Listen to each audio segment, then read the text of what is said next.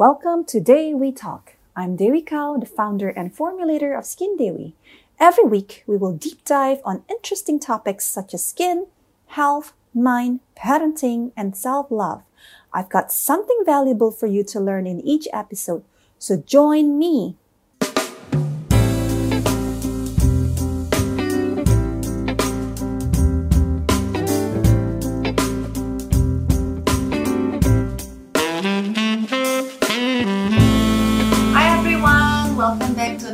Episode of Steri Talk. Hari ini kita akan bahas tentang the power of habit. Tentunya teman-teman tahu ya, semua dalam kehidupan kita itu adalah tentang pattern atau habitnya kita. Kalau kita punya habit yang bagus, ya hasilnya tentu bagus. Kalau kita punya habit yang kurang bagus, tentu hasilnya juga kurang bagus. Dan aku senang banget hari ini untuk introduce, um, aku manggilnya apa ya? Bayi, Kai, Ai. Ai aja.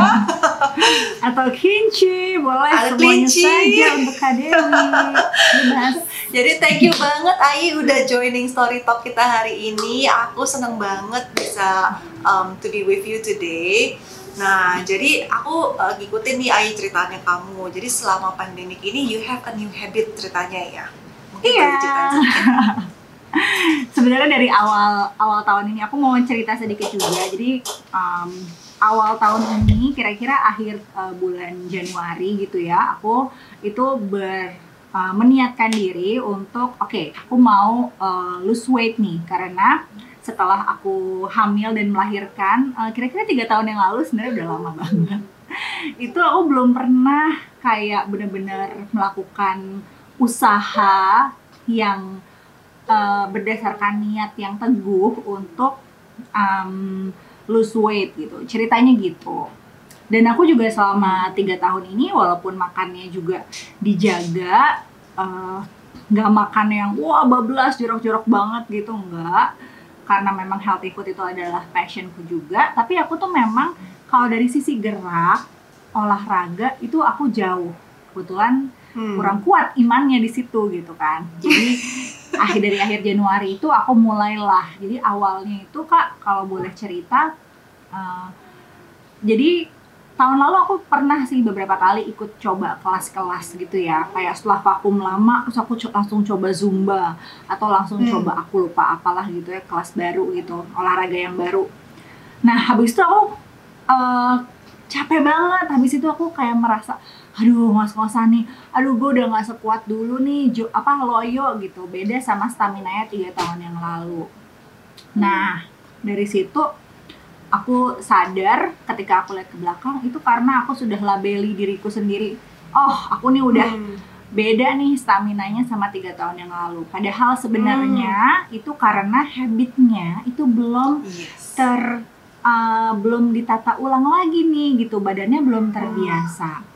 Jadi Hmm. waktu akhir Januari itu aku mulailah dengan uh, aku ke dokter gizi pada waktu itu. Uh, walaupun pada akhirnya kita tidak bersama lagi karena tidak cocok secara prinsip kayak pacaran ya. Tapi uh, habis itu mohon maaf ada suara-suara. Jadi uh, tapi habis itu aku jadi uh, dapat pencerahan untuk aku disuruh jalan kaki setiap hari selama uh, 30 menit. Tidak boleh berhenti. Terus jalannya Hmm. tuh jalannya tuh harus mindful, harus pelan-pelan gitu. Kan aku Oh. sebel ya sebagai orang yang kebiasa melakukan apa macam-macam gitu ya. Aku biasanya kalau memang aku ja- jarang gerak, tapi kalau sekalinya gerak mungkin aku kayak melompat dari MRT ke mana gitu kan. Nah, jadi nggak biasa nih jalan kaki gitu selama 30 menit aduh bosan banget gitu ya. Tapi habis itu aku jalanin, aku jalan aku jalanin jalan pagi dan ternyata uh, dari jalan pagi itu aku dapat banyak manfaat yang lain selain jalan paginya sendiri gitu ya. Um, Hmm. bahwa ternyata aku tuh sadar aku tuh jarang sekali kena sinar matahari pagi selama ini Hmm. Hmm. Hmm. jarang banget karena biasa kalau pagi-pagi aku di rumah aja bikin konten apa ngapain ngapain gitu aku jarang benar-benar berjemur gitu kan nah udah gitu aku biasain tuh jalan pagi jalan pagi saat yang Jadi sama jalan juga kaki eh, mindful itu maksudnya gimana tuh kayak. Jadi jalannya Gimana, nggak boleh kayak nggak boleh jalan cepet gitu loh. Nggak jalannya tuh harus kayak hmm, pelan-pelan.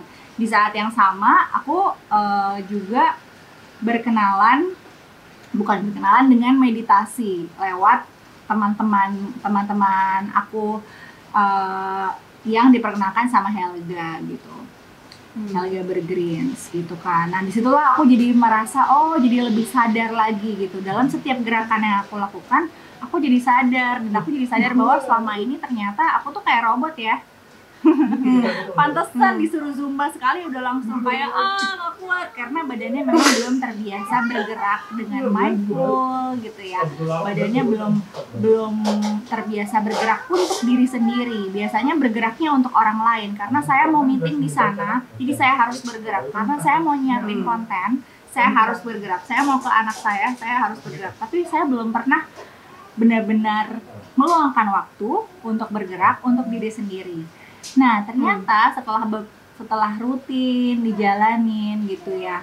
Jalan jalan pagi itu terus ditambah lagi semangat dari uh, aku lihat juga beberapa teman lagi pada semangatnya mengejar 10,000 steps a day gitu ya.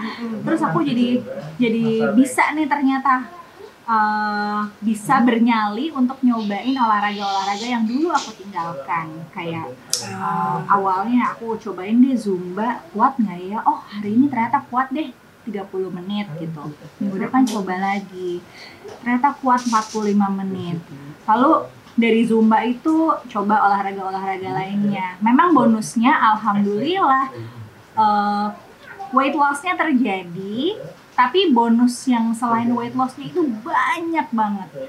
Dan itu dimulai dari hal paling kecil the power of habit. Gitu.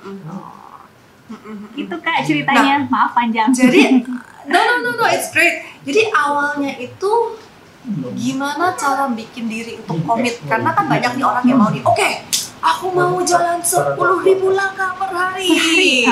Mungkin hari pertama masih semangat tadi kan udah ah, nah Iya. itu gimana tuh? Oke, ini aku mau sharing sharing juga karena aku juga masih sangat belajar. Menurutku yang namanya keimanan dalam hal apa pun itu memang naik turun, pasti, pasti. Yang pertama kali harus dilakukan adalah mungkin harus cari tahu apa yang membuat kita happy dulu dari kegiatan itu. Nanti kalau kita udah tahu apa yang bikin kita happy dari kegiatan itu, contoh ya, misalkan jalan pagi gitu ya kita harus nemu salahnya dari diri sendiri. Apa sih sebenarnya yang bikin bikin saya happy untuk melakukan ini? Sedikit eh, cerita dari aku yang aku belum pernah ceritakan di mana pun di sosial media aku juga belum pernah. Apa sih sebenarnya kan kadang-kadang ada hari-hari di mana aduh males banget gitu kan. Iya iya. Gi- gimana cara supaya supaya tetap semangat jalan pagi? Karena aku tahu kalau aku nggak kena matahari pagi seharian nanti kayak energinya itu tidak mengalir gitu. Jadi memang harus kena matahari pagi dan jalan di pagi hari gitu kalau buatku. Nah aku tuh senang banget eh, sama Disneyland sebenarnya. Aku tuh senang banget. Dan ada saat ada musik-musik di YouTube itu musik-musik yang menjadi soundtrack kalau kita ke Disneyland kan itu kan ada kayak apa sih namanya arena-arenanya. Per arenanya itu ada playlistnya. Hmm. jadi kalau misalkan de- ngedengerin itu pak udah langsung kayak teng. Ingatannya itu ingatannya itu langsung wah teringat deh gitu. Wah ini di Main Street USA ini emang musiknya kayak begini banget gitu. Karena tiap eh, daerah itu kan beda-beda musiknya. Jadi ya, kalau aku tuh dari musik. Aku dengerin si musik Disneyland itu sambil jalan pagi gitu kan. Jadi moodnya langsung uplifting naik. Mungkin teman-teman yang lainnya ada cara-cara lain. Kayak misalkan Iya. mungkin uh, cari olahraga. Misalkan mau olahraga nih. Olahraga yang kamu suka gitu. Mungkin teman-teman yang pengen bikin habit baru di makan sehat gitu ya Oke, kamu pengen mulai makan sehat. Apa sih yang kamu suka dari makanan sehat itu? Oh, Mbak, aku tuh sukanya sebenarnya buah-buahan. Oke, tapi aku tuh nggak bisa makan salad. Oke, kita mungkin bisa bikin salad yang pakai buah kesukaan kamu. Jadi pertamanya kita mulai dulu dengan hati gembira dulu karena udah ngeliat, udah merasakan sesuatu yang kita suka. Terus yang kedua, kalau kita udah ngelakuin sesuatu, nanti kita akan ketemu deh sama orang-orang yang juga uh, punya kesukaan yang sama kayak kita. Atau kalau aku, aku geret satu rumah ini untuk ikutan jalan tadi juga, sama kayak aku. Jadi awalnya kan aku aku doang nih sendiri gitu kan. Terus yang aku lakukan gimana ya? Akhirnya aku beliin orang-orang rumah aku jam satu-satu supaya mereka mau jalan. ya, Jadi tiap lagi dia wah udah berapa step, udah berapa iya. step gitu ya. Jadi kalau kalau aku malas gitu, aku tanya suami aku, eh kamu udah berapa? Oh aku udah tujuh ribu, hah udah tujuh ribu, gitu. Jadi kayak aku jangan malas gitu. Terus tadi tuh adik aku juga oh. gitu. Uh, positifnya adalah kalau kita bersama dengan community yang sama-sama punya tujuan yang sama, kita akan kegeret. Kita lagi males pun ngelihat mereka semangat, kita akan kegeret untuk semangat. Gitu. Jadi yang pertama tadi kalau aku rekap itu harus nemu hal yang bikin happy. Terus yang kedua itu adalah community. Dan yang ketiga nih balik lagi ke niat ah niat awalnya apa kalau kita udah punya satu niat yang kita yakini sekali gitu ya uh, kita bisa pegang itu, tulis itu. Nanti kalau misalkan kita lagi lemas-lemas loyo atau uh, godaan, kita bisa baca lagi, terus kita ingat-ingat lagi supaya niatnya kuat lagi. Gitu. Nah, kalau yang aku belajar jadi itu mm-hmm. uh, ini dapat dari Tony Robbins. Dia itu selalu bilang kalau manusia itu punya enam six basic human needs. Asalkan mm-hmm. tiga dari mm-hmm. enam itu ke fulfill artinya mm-hmm. ke, kepenuhi kebutuhannya itu akan menjadi addiction. Jadi oh. kalau orang ada addiction pasti tiga dari keenam kebutuhannya itu uh, terfulfill gitu. Nah, jadi kayak misalkan aku jadi pas kamu ngomong gini aku jadi ke keinget yang dia ngomong gitu yeah. loh soalnya kayak contohnya um, I remember mm -hmm. kayak suamiku pas mau mulai nge-gym mm. juga uh, ya gitu deh bertahun-tahun ngomong oke okay, tahun oh, akhir tahun biasanya kan oke okay, tahun depan aku akan mulai hidup baru aku akan nge-gym turunin 10 kilo tapi gitu tahun depan bablas sampai setahun lagi nah akhirnya satu hari satu tahun depan ini ceritanya dia beneran hmm. loh dia bilang besok aku akan mulai nge-gym eh bener. Wow. beneran dan sampai sekarang dia masih nge-gym terus. Rutin. Iya sampai sekarang udah dua tahunan kayaknya. Nah terus aku jadi mulai perhatiin kan kok dia bisa ya? Aku mau mulai-mulai belum mulai-mulai nih. Kok dia bisa ya gitu. Terus aku mulai perhatikan oke okay, needsnya apa aja sih yang kebutuhan yang ter, terpenuhi? Nah suamiku itu sangat punya kebutuhan untuk uh, oh. misalkan uh, tadi kayak community gitu jadi dia senang ah. olahraga di tempat yang banyak orang karena jadi kenal banyak temen ya kan awalnya dia um, panggil temennya untuk eh bantuin tuh trainingin dong gitu. Oke jadi temennya bantuin. Jadi kan udah ada temen lah at least yang pergi bareng dia gitu. Terus lama kelamaan karena setiap hari rutin kan jadi kenal nih teman-teman anak-anak gym yang lain. Jadinya yeah. setiap hari datang kayak ada komunitasnya lah istilahnya di sana. Nah itu jadi love and connection itu salah satu basic human needs adalah the need for love and connection sama orang. Terus di gitu dia juga ada kebutuhan human needs yang namanya certainty. Certainty itu adalah kita ada keyakinan bahwa. Apa yang akan terjadi akan terjadi gitu kan. Jadi dia tahu di saat dia olahraga dia akan berasa feel good, dia akan certain dia berasa keringetan. Jadi itu semua kan akan terjadi dia tahu, dia bisa prediksikan di di sebelum-sebelumnya. Jadi dia ada feeling certainty-nya itu dapat dan menjadi rutin kan jadi udah tahu kan jam segini aku harus ngapain. Itu juga menjadi certainty-nya terus dia juga mendapatkan growth karena kan ya berapa bulan eh turun sekilo eh turun dua kilo eh oh, tadinya bisa hmm. angkat 5 kilo hmm. eh jadi 10 kilo jadi 15 kilo hmm. kan ada perkembangannya growth ya kan jadi dapat juga significance itu juga salah satu human needs nah itu juga dapat karena kalau di gym kan anak-anak gym hmm. biasa lah eh lu udah bisa bench press berapa misalkan 100 hmm. nih, wah gue udah bisa 120 gitu kan, jadi dapat significance-nya juga. Jadi dia malah dapat 4 hmm empat human needs dari enam hmm. itu terfulfill dari dia nge-gym. Akhirnya wow. sampai sekarang udah dua tahun tapi dia pernah putus. ya.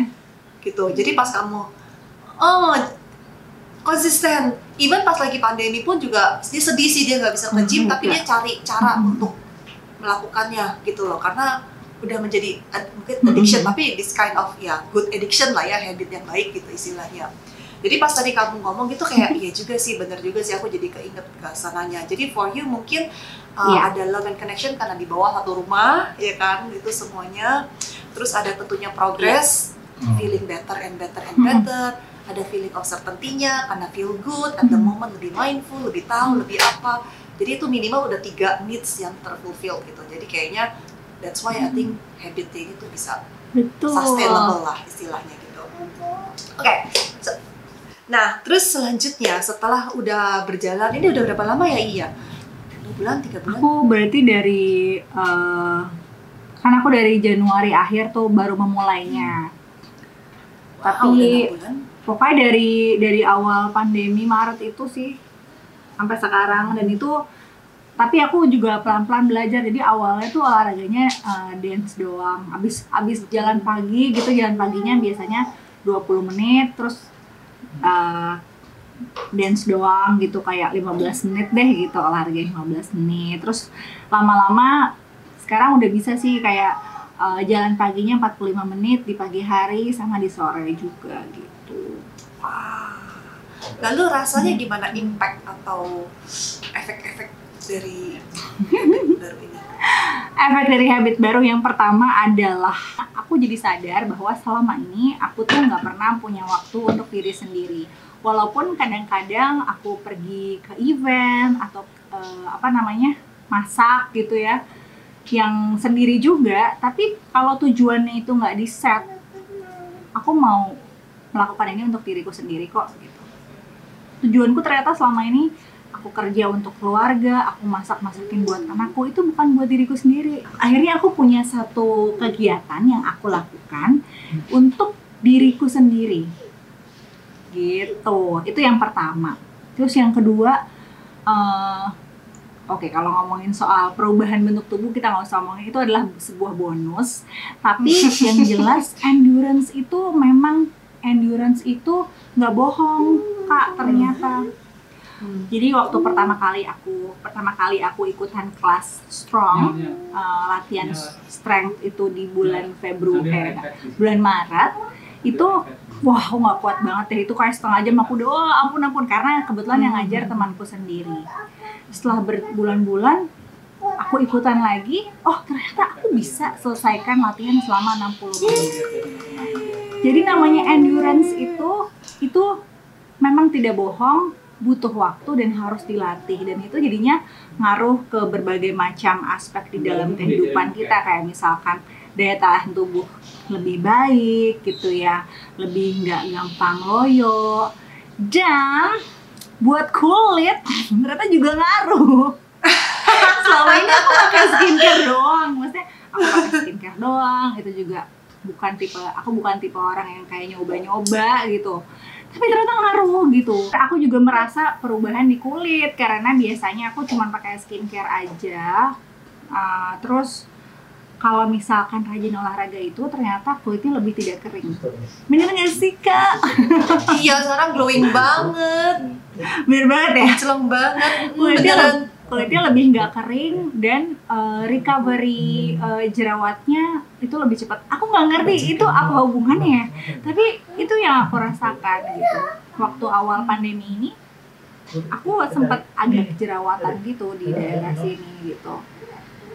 Tapi habis itu aku amati kalau misalkan aku lagi jerawatan, terus aku olah, bawa olahraga, sama aku males olahraga, ini nggak dihitung makannya kayak gimana itu perbedaannya seperti apa ternyata ada bedanya juga gitu Hmm. gitu Ya tentunya kan dari saat kita olahraga kita lebih happy, endorfinnya naik, recovery-nya jadi lebih bagus. Kalau kita stres, imunnya drop, recovery drop, semuanya drop, jadinya Iya. sih. otomatis ya nggak bisa healing jadinya. Um, jadi ya think it's because juga dan juga kena sinar matahari dan segala macam kan kita membutuhkan itu semua juga. Oke, um, aku I don't want to take too much of your time juga. Um, tapi mau tanya sih sinyala kenapa sih? What happened? Kenapa dari tadi sedih banget? ya lah iya. Jadi eh, memang pada waktu lagi pandemi kayak gini kan semua orang kerja dari rumah. Itu sebenarnya gimana ya blessing in disguise karena yang pertama jadi kita uh, karena dulu dulunya sebelum pandemi ini nyala itu sekolah dari pagi sampai sore ya kan? Jadi di saat itu aku bisa kerja uh, dan uh, pas dia pulang ya udah aku bisa sama dia. Kalau sekarang jadi mau nggak mau harus kompromi karena dia juga kan di sini gitu. Uh, di apa namanya di rumah gitu. Kadang-kadang ibunya kerja bapaknya kerja dia mau apa gitu kan. Dia mau mau ditemenin baca buku sesimpel dia mau ditemenin baca buku. Dan memang kalau ditemenin baca buku sama orang lain mungkin treatmentnya agak beda sama kalau sama ibu sama apanya jadi ya gitu sama-sama lagi penyesuaian I see, I see, I see. gitu Oke, oke nyala, mami pul, eh mami lagi. Uh, saya pulangin mami kamu sebentar lagi ya. um, mungkin awalnya um, tadi saya nggak inget sih ya tadi um, diceritain nggak kenapa awal mulanya banget? Kayak ada keinginan tadi kan bilang kan harus ada niat mau tahu ceritanya nah, itu? Ah, ah. mau tahu ceritanya behind the scene oke behind the Oh, scene ini soalnya ini soalnya berkenaan sama dirimu juga nih. Oh, saya udah berkenaan dengan Oh. Skin Dewi juga gitu. Ada Oh, ada nyambungnya gitu. Oke. Oke. Jadi ceritanya um, aku udah bosen dikira lebih tua dari umur umurku yang seharusnya. itu sebenarnya motivasinya banyak, tapi itu adalah satu motivasi utama yang benar-benar bikin aku kayak oke this is it gitu. Uh, pokoknya aku beberapa ada beberapa peristiwa yang terjadi, beberapa peristiwa yang terjadi yang uh, yang di mana orang yang lebih tua daripada aku manggil uh, manggil aku dengan sebutan yang lebih tua karena dia pikir aku lebih tua gitu kan. Ya mungkin dia nggak ada maksudnya. Cuman aku kayak "Hah?" gitu. Terus aku pernah datang event terus dipanggil tante sama ada apa namanya ada deh pokoknya adik yang cuman be- beda mungkin beberapa tahun aja sih dari uh, usia aku kayak gitu. Gitu sih. Itu dari awalnya itu aku kayak nggak pengen. Itu aku juga pernah baca satu uh, bukunya Hiromi Shinya tentang enzim kan dalam tubuh kita bahwa sebenarnya uh, nggak ada orang yang lebih tua eh, nggak ada orang yang kelihatannya tuh lebih muda daripada usianya. Tapi orang yang kelihatan lebih muda dari usianya itu tuh harusnya emang mukanya itu sesuai dengan usianya gitu. Terus yang lainnya gimana dong? Ya itu berarti uh, mengalami aging sebelum waktunya itu apa namanya penuaan dini. Uh, faktornya memang banyak banget gitu. Bukan cuma dari makanan aja dari uh, skincare-nya aja tapi juga dari gerak itu gitu. Gitu sih. Itu motivasi utamaku adalah aku ingin uh, aku pengen aku ingin sesuai dengan uh, mengusahakan biar aku terlihat sesuai dengan usia aku gitu gitu awalnya. Gitu.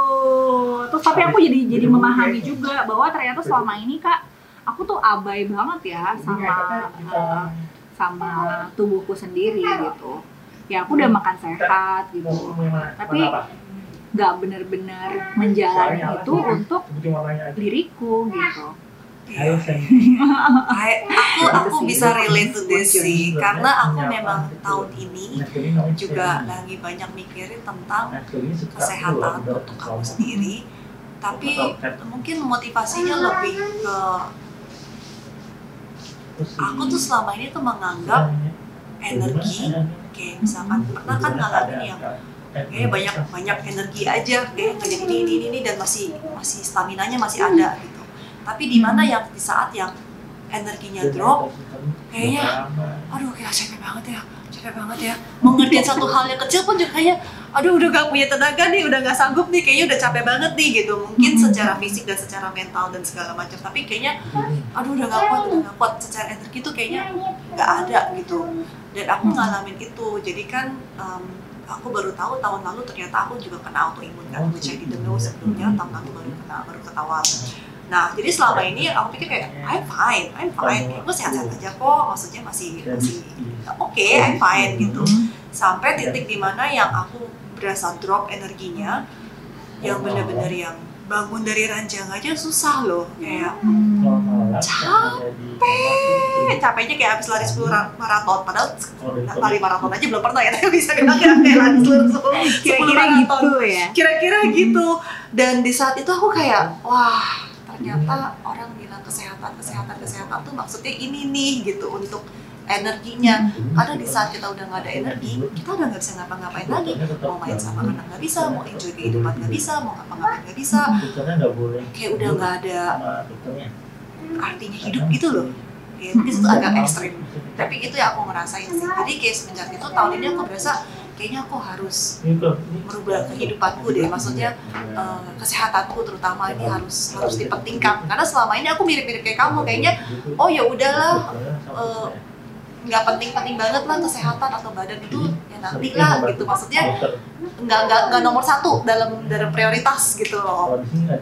Jadi kayaknya dalam masa-masa pandemi ini aku banyak banyak berpikir dan berubah pemikiran juga soal kesehatan dan badan juga jadi aku bisa aku bisa relate sih dengan cerita kamu tapi mungkin dari perspektif yang berbeda but I can relate Iya betul, iya betul betul. Karena ya memang eh, bukan cuman buat eh, ternyata kan kalau dulu tadinya aku tuh nggak nggak nggak ngerti gitu. Kenapa sih orang-orang tuh jadi apa? Gue tuh harus olahraga nih gitu. Kalau nggak kalau nggak kalau nggak lari setiap pagi tuh rasanya kayak badan tuh nggak enak. Rasanya tuh jadi kayak apa? Jadi kayak cranky gitu seharian.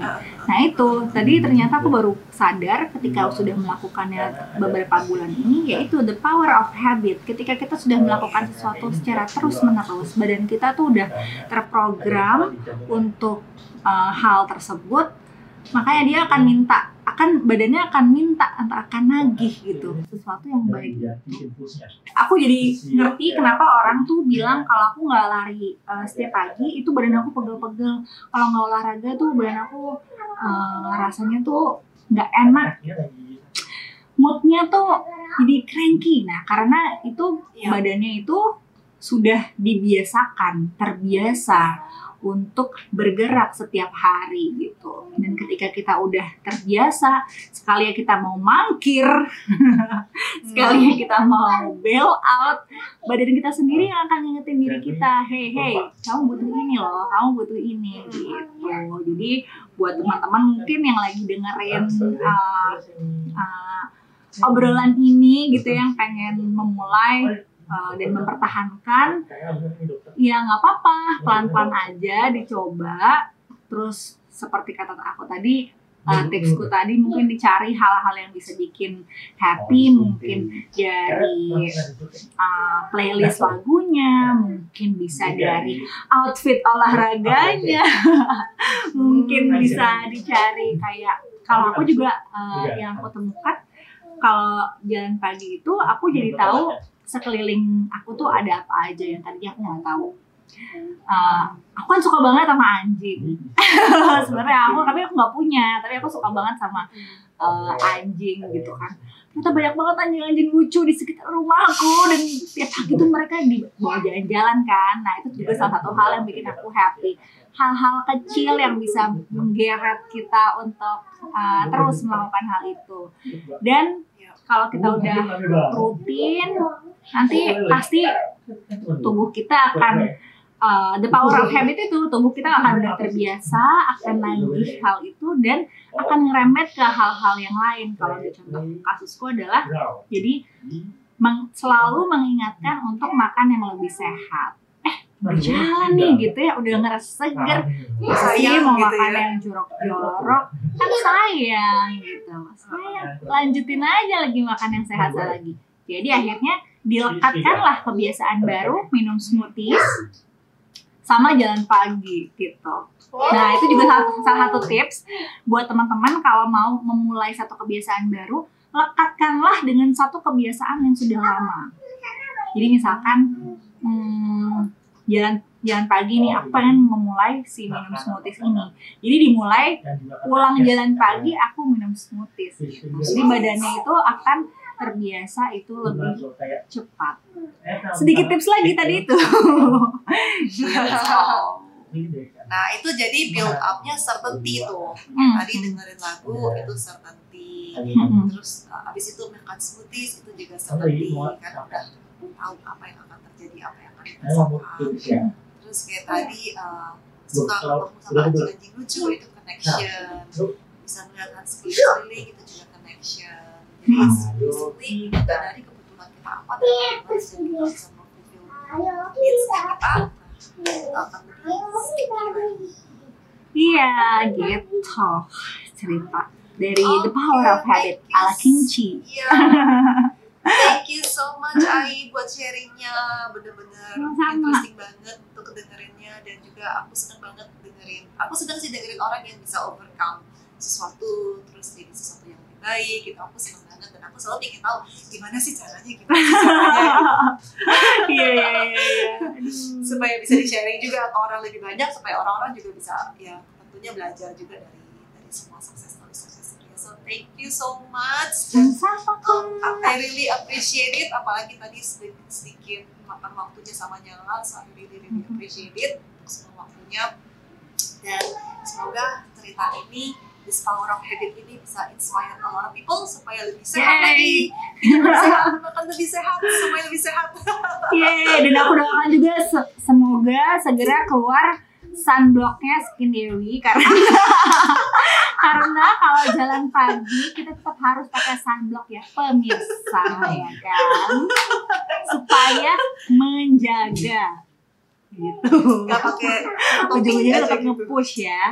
Memang pesan sponsor.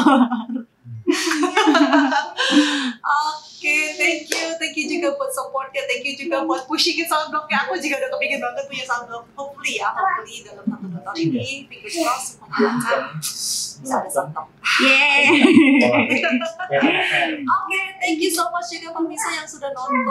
Um, I hope this story has been useful for you. The power of habit uh, yang diceritakan, yang di-sharing dengan Ais, Buka ya.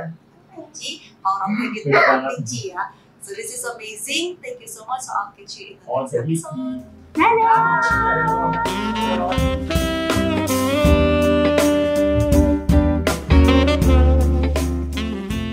Time flies like an exhale. See you on the next episode. Don't forget to follow us on Instagram, TikTok, and YouTube for more.